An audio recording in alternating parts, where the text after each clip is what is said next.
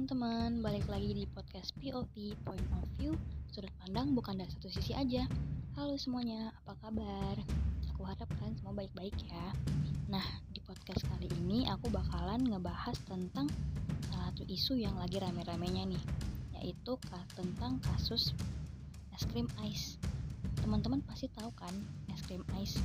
Iya, es krim yang harganya murah dan rasanya enak itu Produk ini adalah produk dari PT Alpen Food Industry. Siapa sih yang nggak kenal?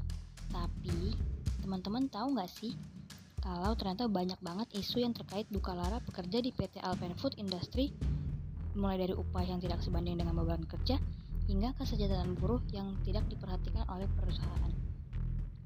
Ada banyak kasus-kasus yang terjadi.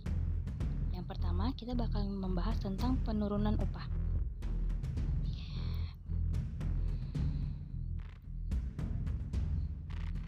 Bagi seorang buruh, kompetensi kinerja atau penilaian sangat penting karena dapat memicu produktivitas kerja. Biasanya, bobot penilaian dihitung dari kehadiran kerja tahun sebelumnya, sehingga pekerja akan terpacu untuk memperbaiki absen agar menjadi lebih baik dan produktif. Di sisi lain, pekerja yang memiliki jabatan merasakan kenaikan upah yang besar sehingga alih-alih memperbaiki kinerja, pekerja lebih cenderung mengejar posisi. Pada PT ICE ini, Buru-buru yang adalah operator produksi hanya merasakan kenaik manfaat kan manfaat kenaikan yang sangat kecil. Dan yang kedua, ada masalah tentang mutasi, demosi, dan sanksi yang tidak proporsional. Salah seorang anggota yang dikenal yang menjadi leader dikenai SP2 atau surat peringatan 2 karena menolak untuk memberikan SP langsung kepada pekerja. Dia sudah menjelaskan bahwa sanksi seharusnya ada tahapan berupa teguran lisan terlebih dahulu, tapi atasannya tidak peduli karena tidak mau terus-menerus harus menindas ke bawah. Sebab itu dia terpaksa melepaskan jabatannya sebagai leader. Pada tahun de pada bulan Desember tahun 2019, 71 buruh anggota dipindahkan ke bagian kon. Sempat menolak karena meminta training dan surat tugas langsung per orang. Namun, akhirnya mereka menerima mutasi tersebut dan bekerja di bagian produksi. Perusahaan kemudian mengenakan SP3 kepada buruh dan melakukan PHK.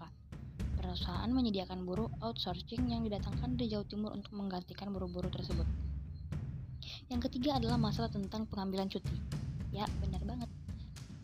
Para pekerja di di pabrik es krim ice ini sulit untuk mengambil cuti. Pada awalnya, prosedur pengambilan cuti, sakit maupun izin di PT PT ICE lebih mudah karena pekerja hanya menyerahkan formulir kepada leader bagian dan perusahaan akan menerima surat keterangan dokter dari klinik dari klinik yang menggunakan biaya sendiri. Lalu, kondisi ini dirubah secara sepihak oleh perusahaan pada tahun 2018. Cuti harus diurus sendiri oleh pekerja dan surat keterangan dokter yang diikuti hanya dari fasilitas kesehatan. Bisa dibayangkan prosedur-prosedur sangat menyulitkan buruh operator yang harus bekerja dan hanya punya waktu saat istirahat atau pulang kerja. Seringkali orang-orang yang harus diminta tanda tangan tidak berada di satu lokasi dengan para pekerja. Ditambah lagi, buruh kerap dicecar pertanyaan, khususnya saat berhadapan dengan asisten dan translator. Bagi yang dalam kondisi sakit tentu lebih sulit. Kondisi baru saja pulih dan masih harus direpot. Cuti haid nyaris tidak dapat diambil sama sekali, Bahkan dianggap penyakit karena pekerja harus mendapatkan izin dari dokter klinik perusahaan untuk mendapatkan cuti haid. Dokter klinik biasanya tidak memberikan cuti haid tetapi obat penghilang rasa sakit. Kasus buruh perempuan berinisial ER yang difonis endometriosis bisa menjadi contoh bagaimana buruh tidak memiliki pilihan pengobatan. ER sering kali harus meminta cuti haid tetapi tidak diberikan oleh dokter klinik perusahaan. Kemudian ER harus dioperasi. Yang keempat ialah buruh perempuan hamil diperkerjakan pada malam hari. Sepanjang tahun 2019 terjadi 13 kasus keguguran dan 5 kematian bayi sebelum dilahirkan. Kasus bertambah menjadi satu kasus keguguran dan satu kasus kematian bayi pada awal tahun 2020. Terjadi satu keguguran lagi, total kasus keguguran yang terdata sebanyak 21 kasus. Para pekerja atau buruh perempuan yang bermaksud untuk meminta cuti haid karena merasakan sakit diharuskan diperiksa di klinik terlebih dahulu oleh dokter perusahaan dan hanya diberikan oleh peredaran nyeri. Buruh perempuan hamil juga tidak dapat mengambil mengambil kerja non shift karena dipersulit dengan syarat harus ada keterangan dari dokter spesialis kandungan dan ada kelainan kandungan. Sebelum mengambil cuti melahirkan, buruh diminta membuat pernyataan tulis tangan dengan materai yang salah satunya isinya adalah. Dan yang kelima adalah masalah bonus dibayarkan dengan cek kosong. Pada pemogokan Sejak pada penghujung tahun 2017, pengusaha melakukan diskriminasi dengan memberikan bonus kepada pekerja yang tidak melakukan mogok sebesar 1 juta rupiah per orang. Karena itu, pekerja yang berserikat juga menuntut haknya atas bonus sebesar sejuta itu. Selama satu tahun atau sepanjang 2018, mereka menuntut hal itu. Kemudian terjadi perjanjian selama, bersama pada 4 Januari 2019 yang isinya bonus sebesar Rp 600 juta untuk 600 orang akan dibayarkan dengan cek yang dapat dicairkan setelah satu tahun sebesar 300 juta dan sisanya dicairkan dengan cara dicicil yakni sebesar 25 juta per bulan. Mereka menerima penawaran tersebut karena berusaha memahami kondisi perusahaan. Mereka sudah mereka sudah tidak memperlukan inflasi diri kami percaya diri karena diberikan cek sebagai pembayaran. Bayangkan saja, pada tahun pada tanggal 5 Januari tahun 2020 cek tersebut tidak terdaftar resinya dan dan mereka berusaha mengonfirmasi kepada pihak perusahaan dan pihak perusahaan mengatakan mengatakan perusahaan pembayar sudah tutup. Namun, begitulah kenapa bonus yang seharusnya diberikan kepada mereka dan sudah ditunggu selama satu tahun ternyata ialah cek kosong. Nah, kemudian ada juga tentang buruh kontrak.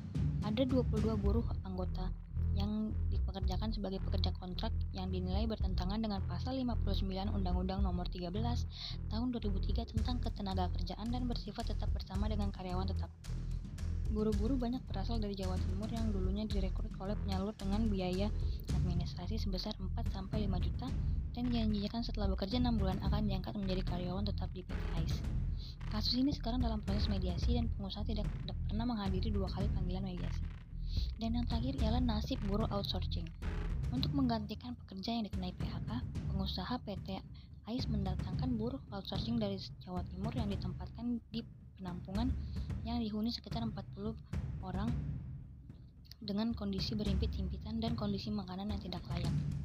Penggunaan buruh outsourcing atau pengguna buruh, penggunaan buruh alih daya bertentangan dengan ketentuan yang diatur dalam pasal 65 dan 66 Undang-Undang Ketenagakerjaan nomor 19 tahun 2012 yang mengatur penggunaan pekerjaan alih daya hanya diperlakukan di bagian penunjang. Kenyataannya, buruh outsourcing dipekerjakan di bagian produksi utama. Nah, dari berita ini dapat kita simpulkan bahwa ketenaga kerjaan di Indonesia masih banyak kurangnya dan juga masih banyak bertentangan dengan undang-undang dan juga tentang HAM. Sekian podcast dari saya. Terima kasih, sampai jumpa di podcast-podcast selanjutnya.